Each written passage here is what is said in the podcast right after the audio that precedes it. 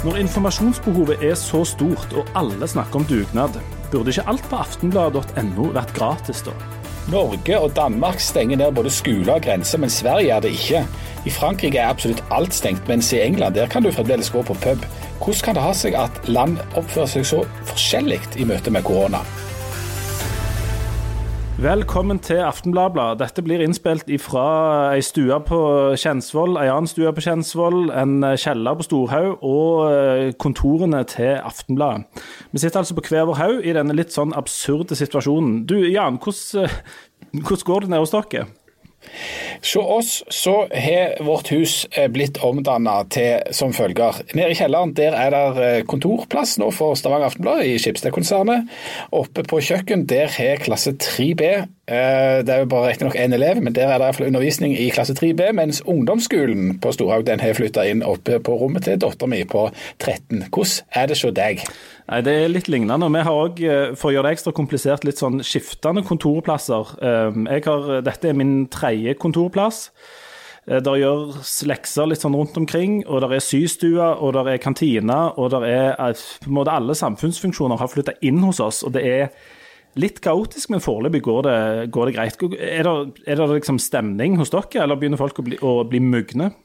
Hos oss er det faktisk forbløffende god stemning fremdeles. Ungene syns egentlig at det er ganske hyggelig å ha hjemmeskole, som jo ikke er en idé som må eh, plante seg der for alltid. Nei, altså, det er fremdeles godt humør, og det er fremdeles uh, Ja, altså, det, det, går egentlig ganske fint. Og så er de heldigvis ikke livredde. Det hadde vært eh, fælt hvis de gikk rundt og var eh, skikkelig redde for hva skulle vi da sagt til dem, liksom. Ja. Jeg, jeg syns jo at denne, her, denne koronasituasjonen eh, viser folk fra sine aller beste, og av og til òg sine aller verste sider. Um, jeg satt jo på jobb i helga, når det på en måte kokte som verst, og Norge var i ferd med å stenges ned og alt var usikkert og sånt. Da satt jeg bl.a. og skrev om alle disse ordførerne som ba folk innstendig om å reise hjem fra hyttene sine. Eh, og det var en ganske rar opplevelse å sitte og skrive om det. Eh, ja. Veldig mange fulgte jo disse oppfordringene og reiste hjem og på en måte tok litt sånn selvkritikk eller uh, ja, på, alle måter liksom fulgte instruksjonene. Men det var også, når jeg var ferdig med å skrive om dette, så ringte det altså to stykker som var rasende, for de hadde betalt eiendomsskatt, uh, han ene i, i, Mandal eller hvor det var, og han andre i Ryfylke, og var rasende fordi at de hadde regnet ut hvor mye kommunen nå skyldte de i skatt, og på en måte drog det, det løpet der. Eh, og Så ser vi alle disse hjelpegruppene på Facebook og overalt. og Folk har jo aldri hjulpet hverandre så mye som de gjør nå. Akkurat, akkurat i dag så tror jeg det er mer hjelping enn det er på en måte folk å hjelpe. Så det, det er virkelig begge deler, altså. Ja, så går det så fort. Sånn at jeg tror En stor forskjell på fra forrige uke når vi spilte inn og fram til nå, og fra den helga der folk reiste på hytta og fram til nå, er nok at jeg, jeg tror det har gått opp et alvor for folk på en annen måte. Jeg tror ikke det er veldig mange som reiser på hytta akkurat nå uh, til denne helga, på en måte. Det er det nok men, men, det jo, men, noe av det problematiske her er jo at det er jo aldeles å, å skyte på levende blink. Det, det, jeg skrev en kommentar i går formiddag som ikke gjaldt egentlig lenger på ettermiddagen. Uh, det som vi tror vi vet den ene dagen, det har forandra seg den neste dagen. Det er liksom enormt i flyt, dette. Så det er jo en, en enorm usikkerhet hele tida som må håndteres både av uh, oss på sånn privatnivå og for bedrifter, og inkludert Stavanger Aftenblad, som skal prøve å holde folk noenlunde oppdatert på dette her. Ja, og vi har jo en, en altså Nå er det jo en blanding av ekstremt travelt og ganske kjedelig. men vi har hatt noen travle dager. Vi har med oss Lars Helle, vår sjef som sitter i ja, du, har, du er fremdeles nede på jobb, er du ikke det? Jeg er på jobb akkurat nå, men jeg har vært ganske mye hjemme. Eller hatt hjemmekontor i mange dager òg. Så vi prøver å rotere litt, så vi ikke smitter hverandre, og at det alltid er noen som er friske. Hvordan er, lede, hvordan er det å lede en eh, stor mediebedrift i disse dager? Uh, nei, det er ganske utfordrende. Det er jo en helt annen måte å gjøre det på når, ikke, når nesten ingen er til stede. Det er jo bare en liten håndfull mennesker på jobben. Og de fleste andre sitter spredt fra alle vinder i sine hjem, i sine kjellerstuer og sånn. I tillegg så har vi jo et uh, viktig oppdrag nå og skal berette om uh, alle disse hytteforbudene og alt det andre som kommer. Og, og det er jo både inspirerende og kjekt, men òg selvfølgelig vanskelig å navigere i, i det. Så det er en helt absurd og spesiell situasjon. Det er, det er, en del som spør nå om hvorfor ikke alt f.eks. på aftenblad.no er gratis. Altså Folk snakker om dugnad. En, altså Folk trenger informasjon. Hvorfor eh, har ikke vi skrudd av denne betalingsmuren vår? Ja, jeg vil ikke bruke et sånt ord, for vi setter ikke noen mur opp mot leserne våre. og Det er ingen abonnenter som har klagt på det. Men, og, og det er òg en del eh, stoff som er utenfor betaleuniverset vårt. Men det er òg sånn at eh, i denne situasjonen så, så bidrar vi ekstremt mye med mye stoff. Uh, utover det helt grunnleggende informasjonen folk må vite. Uh, journalister står på sent og tidlig, og mye større grad enn vi gjør i normalsituasjonen. Uh, og så har vi alltid, siden vi ble stifta i 1893, tatt oss betalt for å bringe både gode og dårlige nyheter. og Det tror jeg fortsatt vi må gjøre. Det er det som sikrer den uavhengigheten som er så viktig i bunnen her. Så det er også sånn at Selv om vi er i en dugnadssituasjon, så trenger vi profesjonelle folk, enten det er leger eller andre helsearbeidere eller journalister, og de må jo få betalt. Så Det, er, det må faktisk også Stavanger Aftenblad. Det er den betalingen som sikrer at vi skal kunne levere den informasjonen vår. Og Den informasjonen den virker det som det er enormt mange som er interessert i å få. Si noe om lesertallet og pågangen til Aftenbladet eh, denne uka. Det har vært ekstremt og mye mer enn normalt. Noen dager både dobbel og bortimot trippel av normal eh, oppslutning om sidene våre og stoffet vårt. Og folk leser flere saker òg, og de eh, kommer òg direkte til Aftenbladet. De går ikke via Facebook eller noe sånt, for de har en forventning om at vi leverer på det relevante og viktige stoffet Eh, stoffet de har. Så det har vært eh, helt formidabelt. og det, Jeg snakker hver eneste dag med kolleger i andre mediehus, og de rapporterer om det samme. Så, så det er ingen tvil om at vi ivaretar viktige samfunnsfunksjoner når Folk kan ikke få vite nok om dette. Og Når folk ikke kan få vite nok, da søker de gjerne etter all slags informasjon. De omfavner all slags informasjon.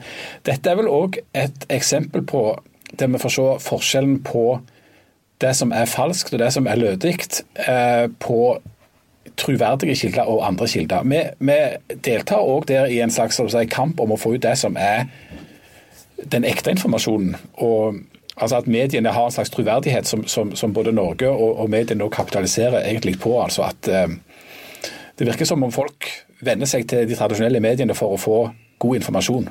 Ja, det er òg mitt inntrykk. Eh, det, noe av det vi tar betalt for, er jo nettopp den troverdigheten. At vi har eh, systemer som kvalitetssikrer ting, og, og, at vi bruker troverdige kilder, og at vi følger presseetiske regler.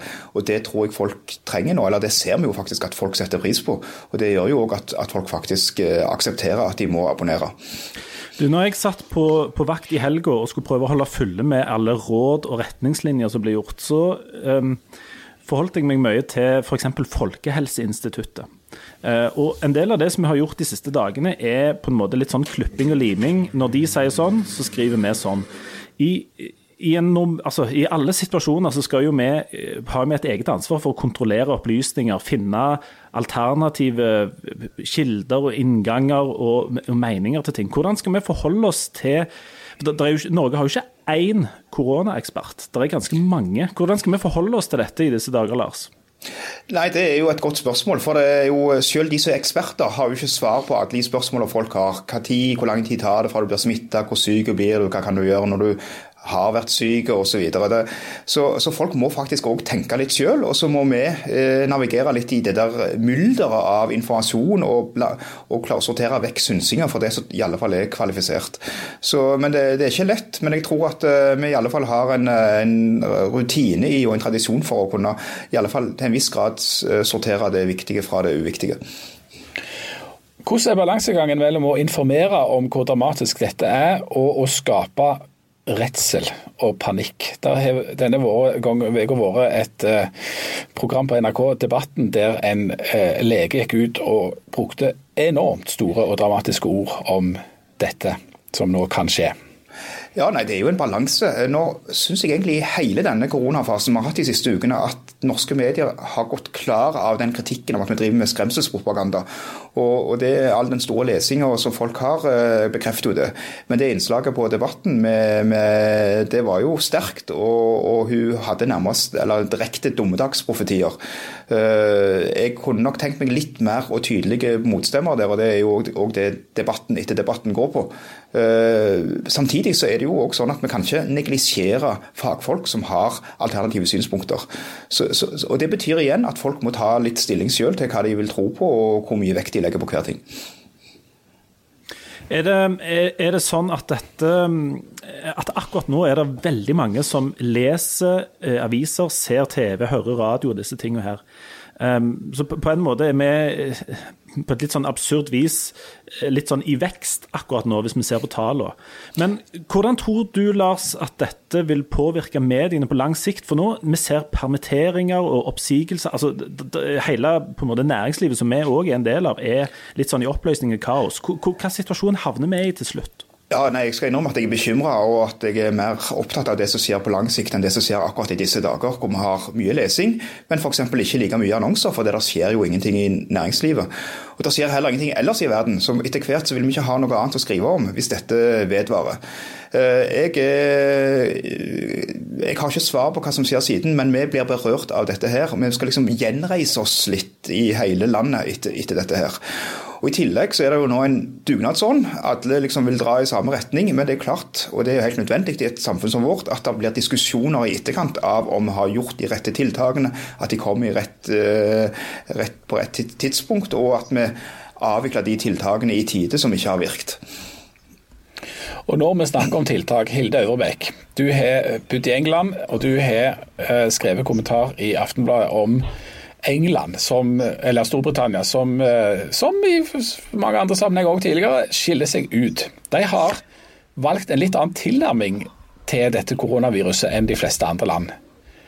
Ja, De har jo da valgt Eller de gjorde i begynnelsen og ganske lenge, fram til omtrent i går, eh, valgte de en strategi som gikk ut på at de skulle utvikle en sånn slags eh, flokk immunisering, altså at, at 60% av befolkningen skulle få denne sykdommen, og at de heller istedenfor skjerme de svake og de gamle eh, at de skulle bli satt i isolasjon i tolv uker, og eh, at på en måte denne eh, befolkningen som da hadde hatt sykdommen, skulle bli immune.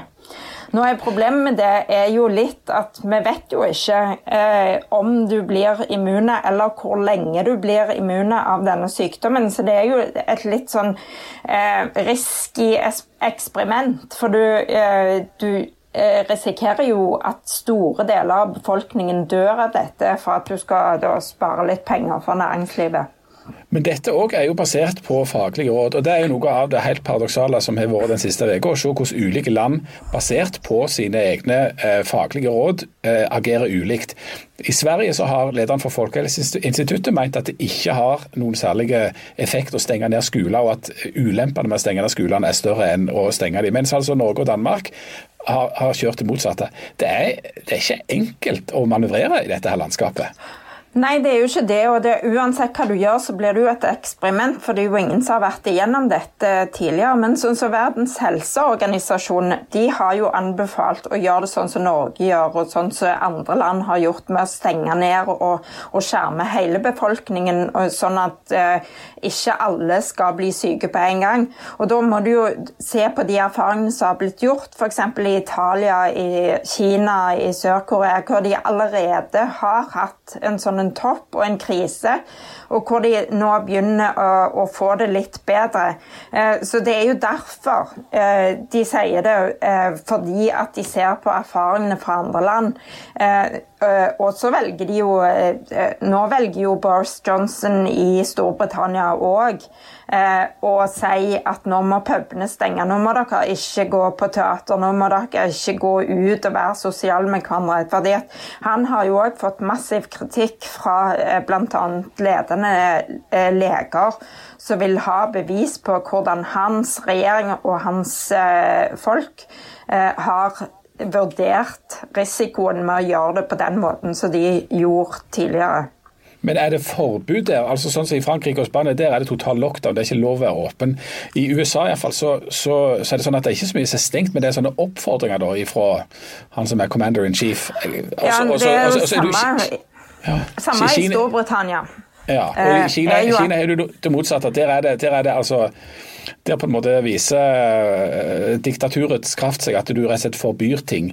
Det, her er det jo òg en stor forskjell i disse ulike samfunnene. Altså et, et, et, et uh, kommunistisk diktatur i Kina har en voldsomme autoritet for befolkningen som du altså, og, og, kan bruke virkemidler som du sannsynligvis ikke kan bruke i et liberalt demokrati.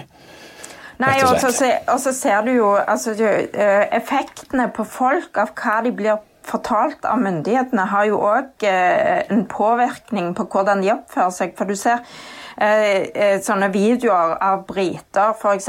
ferie i Spania, i Spania hvor de prøvde å, stenge alle inne. Og så må de kjøre rundt i sånne biler med store høyttalere og brøle til briter som er, er fulle på øl og diverse, om å komme seg inn. Eh, og så sier de at nei, vi skal fortsette ferien vår, vi skal feste, vi skal drikke. Vi, altså, det, det det er jo sånn at det som statsministeren din sier, og myndighetene sier i ditt, uh, ditt land, det, det, lytter jo folk til etter hvert. Så holdningene blir jo eh, alt ettersom. Ja. Eh, Lars, sånn som du kjenner nordmenn. Er en blanding av lydige sosialdemokrater, og så er vi litt sånn anarkistiske oppsettsige. Hvor plasserer vi oss i dette? her? Nei, Jeg må si at uh, den lydigheten jeg har sett uh, den siste uka, er nesten, nesten i overkant uh, mye. folk har virkelig blitt enige om at nå, ble, nå, følger vi de tiltakene som er iverksatt. Nå gjør vi sånn som myndighetene sier, sånn som Erna sier, og, håper, og håper det beste. egentlig så er vi òg en gjeng individualister, så, så jeg, jeg, tror ikke dette gir det rette bildet av nordmenn, men vi har nok en altså et ønske om å høre ting og bli fortalt ting. Og Det har jeg bemerket både i mindre sammenhenger, sånn som her på jobben, og òg i det store sammenhengen, at folk vil ha direktiver. Folk vil bli bestemt over. De vil, vite at, de vil at noen skal si hvordan de skal gjøre det. Men det tror jeg ikke blir normalsituasjonen etter hvert. og Jeg tror vi kommer til å få mange debatter, og det er viktig òg i etterkant. Men akkurat nå er folk voldsomt disiplinert der. Mm. Det er òg vanskelig hvis når det er Altså, eh, Storbritannia gjør det på sin måte, Sverige gjør det på sin måte, vi gjør det på vår måte. og sånt. Er, en skulle jo tenke at det, det, hadde vært greit å ha hatt et litt sånt uh, tettere samarbeid mellom en del land her. Kunne vi hatt en organisasjon, en slags union i Europa der, som, som, kunne tatt litt sånn overordna ansvar for dette. Er det en god idé? Det er jo på en måte det Verdens helseorganisasjon prøver på, da, altså å gi eh, de generelle anbefalingene. Og faktisk så er det jo nesten bare Sverige og Storbritannia som har gjort det helt motsatt. Eh, og, og det, den tilnærmingen gjør jo at f.eks. Storbritannia, som da er en øy og litt for seg sjøl, risikerer jo at de eh, blir isolert i lang tid framover. For vi vet jo ikke om denne sykdommen kan komme om igjen og om igjen, og om, om denne flokkimmuniteten da fungerer. Så, så, de risikerer jo å være bakpå i forhold til alle andre land i hele verden eh, hvor de ikke kan flytte på seg, eller hvor folk ikke kan komme på besøk. Altså det, det, er jo sånne scenarioer som du, du, kan se for deg hvis eh, alle landene gjør bare sin egen ting. Men nå er det jo sånn at de fleste har jo innført eh, strenge tiltak, sånn som Norge har gjort òg. Der, eh, men, men dette, med, dette, med, å velge eh, på en måte hvilke eksperter vi skal høre på, Lars. Um, er det sånn nå at når vi, har, eh, når vi, i mediene har snakket flere, altså nok ganger med Folkehelseinstituttet og andre, at vi begynner å lete etter de der alternative stemmene, både de som litt sånn I told you so-folka, og de som ikke, ikke helt ut i den alternative medisinen. Jeg mener ikke vi skal ringe homopatene på, dette, på, dette, på denne fronten, men men um, er vi liksom på leid etter de snart? Ja, det er vel litt sånn helt naturlig i gang at vi er på jakt etter motstemmer. og Det var kanskje det som lå bak det eh, innslaget i debatten som vi snakket om tidligere i sendinga. Eh, men igjen så prøver, må vi jo prøve å være nøye med at det er folk som virkelig har noe å bidra med, som har en bakgrunn som gjør at de kan komme med relevant informasjon. Men det er jo sånn nesten i alle sammenhenger at, at eh, når folk får tenkt seg litt om, så trenger de å reflektere det rundt andre synspunkter òg. Men journalister er jo ikke eh, nødvendigvis så voldsomt gode i medisin eller epidemiologi, eller hvordan du uttaler det ordet. Um, det er ikke lett for oss heller i å, i å skille uh, Nei, kanel og det, det, det, er ikke lett. Og, og det som jo òg er, er, spesielt nå i sånne tider, folk har jo voldsom tillit til oss og ringer jo til oss eller sender mailer til oss om hva de skal gjøre med det og det og det, og hvordan skal jeg forholde meg til karantene og sånne ting. Og Da er det jo viktig at vi bidrar til å informere om hvor de, hvor de, kan bli informerte, og hva slags råd de skal følge. At ikke vi tar på oss legefrakken. Men vi er jo like lite eksperter med som de fleste andre. Men men det er mange som tar Igjen, når jeg satt og jobbet med, med disserende koronasaken i helga som var, så fikk jeg en e-post fra ei som lurte på om jeg kunne bidra med nummeret til utdanningsministeren, for hun hadde noen spørsmål angående om hun kunne hente bøker på en skole på Sandnes. Og da på en måte blir vi litt sånn den kanalen som folk bruker når de på en måte står fast, ikke helt vet hvem de skal spørre. Eh, så vi har eh, ja, vi, får en del henvendelser om dagen, for å si det sånn. Ja, det viser jo òg litt av tilliten vi har. Vi får jo òg ofte I normale tider så ringer jo folk oss for de sliter med kryssord eller uh, andre ting i en annen kvist de har i familien. Uh, og nå er det jo litt mer alvorlige ting, men det, det, er viktig at vi Og vi er ganske flinke til å i hvert fall sette folk på rett vei. Vi er profesjonelle i å finne kilder. Så må vi bare passe på at ikke vi tar over den rollen som andre har når det gjelder å gi medisinske råd.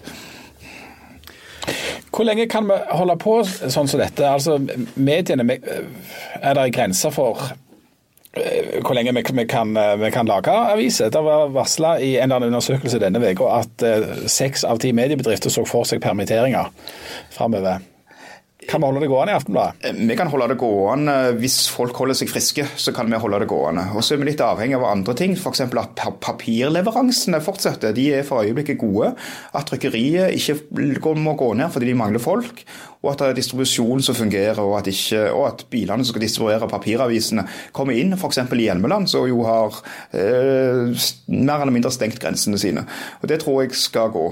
Men, men i det lange løp så skal, klarer vi det. Og så er vi jo samtidig i mange år jobb for å bli mer digitale. Nå får vi eh, på en måte litt uh, igjen for det, da. Og, og, um, for vi trenger jo ikke til slutt ikke papir, gjør vi det? Uh, kan godt være det. Mange kommer til å like det papiret ganske lenge òg. Men denne situasjonen kommer til å gjøre noe med alle folk og alle rutiner og alle bedrifter. Så det som kommer ut på andre sida, vil være noe annet enn det vi gikk inn i denne krisen med. Hilde og Lars, når det gjelder Eh, næringslivet i, i, Rogaland og på Vestlandet vi er ganske tunge på noen eh, sektorer, som vi ser nå. Eh, det er interessant å følge oljepris på børsen og sånne ting. Er det sånn at Rogaland og Vestlandet kommer til å bli ekstra hardt ramma av dette? Jeg, jeg vil, vil, tro at kanskje veldig mange mener de blir ekstra hardt ramma av dette. Men næringslivet her, Hilde, hva, hva tror vi om det om et halvt år?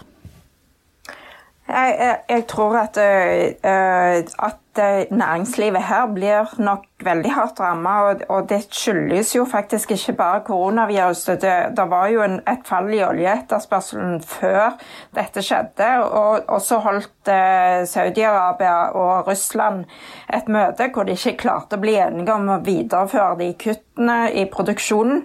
Uh, derfor så, det er jo derfor litt av grunnen til at eh, oljeprisen har falt òg eh, så voldsomt som han har gjort. Eh, og det kommer til å slå inn på næringslivet her. Det kan jo føre til at det, det blir en slags framskynding av en omstilling som vi ser må komme. Og at folk ser at de, de må begynne å, å, se videre på andre ting å gjøre. Fordi at oljeprisen kan jo fortsette å være lav ganske lenge. Eh, når det produseres såpass mye olje i forhold til den etterspørselen er. Og så hvis denne krisen varer lenge, så kommer jo etterspørselen etter oljeprodukter, alt eh, Vi går ikke ut og handler mer eh, sånne elektronikkvarer, f.eks.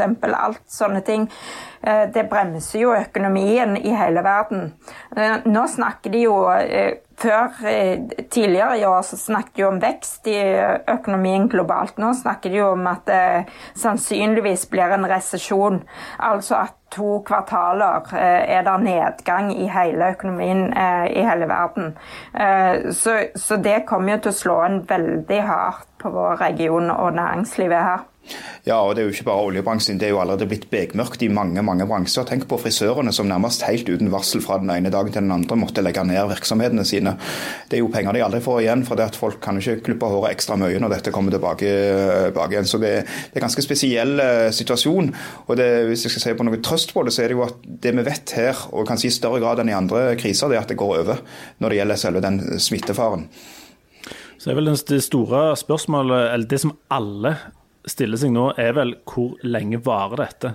For vi klarer jo, altså En unntakstilstand klarer vi jo i, når det er en unntakstilstand, men um, det kan jo vare en stund, dette her, Jan. Er det noen, uh, er det noen yrker du Jeg ser jo at du trenger frisør, uh, helt sånn akutt. Uh, ja, ja, det. Men er det, er det noen som... og, og, og, I det perspektivet skal vi være kanskje glad for at dette er en podkast. Ja, at det er noe folk slipper å se. Folk kan ikke se det, men Jan trenger alvorlig en hårklubb. Er det, noen, er det noen sånne yrker som du, Jan, ikke ser for deg å utføre hjemme. Altså litt sånn uh, hårklipp, uh, klesvask, litt lett kirurgi, tannlegetjenester og sånt. Uh, er dere selvforsynte? Altså, vi, vi, vi, skal klare sånn grunnleggende hjernekirurgi og, og, og tannlegetjeneste. Vi kan gå løs på hverandre med ulike sånne verktøy der. Da. Men, men ellers så ser jeg for meg at vi lar både hår og skjegg og alt gro. Eh, og at vi ser litt sånn der eh, huleboaktige ut når vi kravler ut forhåpentligvis i vårsola på et eller annet tidspunkt her. Er det, noe, er det noe du, Lars, har begynt å, å savne skikkelig? Altså Noe som, du, som tidligere var normalt, som nå ikke fins lenger, eller? Du ikke har tilgang altså, jeg, jeg, jeg, kjenner jo på ting du ikke tenker på ellers, men det, det at du ikke kan reise, det at du ikke kan dra på hytta, det at du ikke kan gå ut og, på, på, byen og møte kompiser, eller sånn, det, det er jo sånn som du ikke tenker, så, så du ikke, så ikke nødvendigvis gjør så ofte. Men bare det å ikke ha muligheten til det, det, det kjenner jeg faktisk ganske frustrerende. Og det er også klart at i lengden, det å ikke være på jobben sammen med kollegaer, det tror jeg alle i dette landet kommer til å kjenne ganske mye på nå framover. Vi er bare i begynnerfasen på akkurat det. Hilde, har du begynt å savne oss? Ja, jeg har jo det. Jeg liker veldig godt å være på jobben. Eh, eh, og ungene savner jo eh, kamerater å være med, og jeg ble forespurt om det gikk an å overnatte hos kameraten her en dag, men det går jo ikke akkurat nå. Eh, og det å liksom eh, bare forklare at eh, nei, vi, vi, kan ikke det og vi kan ikke det, det, det, det er litt dumt. Vi, jeg har jo en mormor som er 101 år gammel og er på sykehjem på Sola.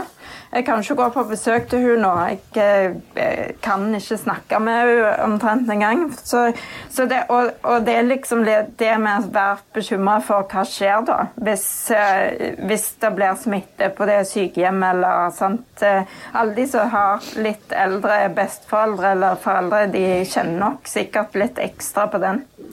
Ja, jeg, jeg, har ingen av den typen, men jeg begynner å bli alvorlig bekymra for bl.a. min egen personlige hygiene. Og den, det, det, er noe av det som forfaller, forfaller ganske fort. Så jeg er, virkelig i markedet for en dusj.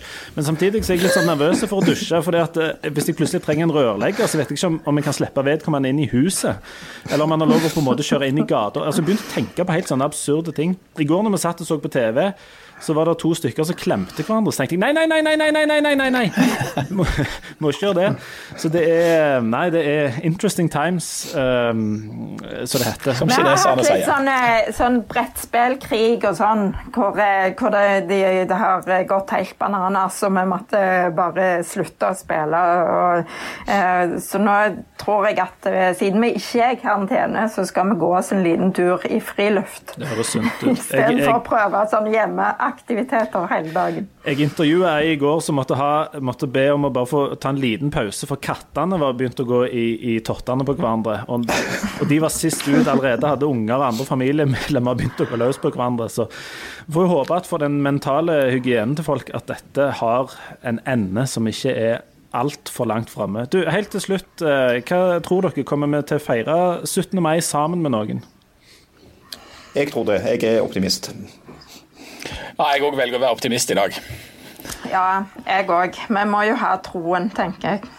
Det er greit. Da kan jeg som ansvarlig for uh, stultene på Kjensvoll skole på 17. mai i år, uh, og jeg må møte opp relativt tidlig, så jeg, håpe at kanskje 18. mai blir den endelige normaliseringsdatoen.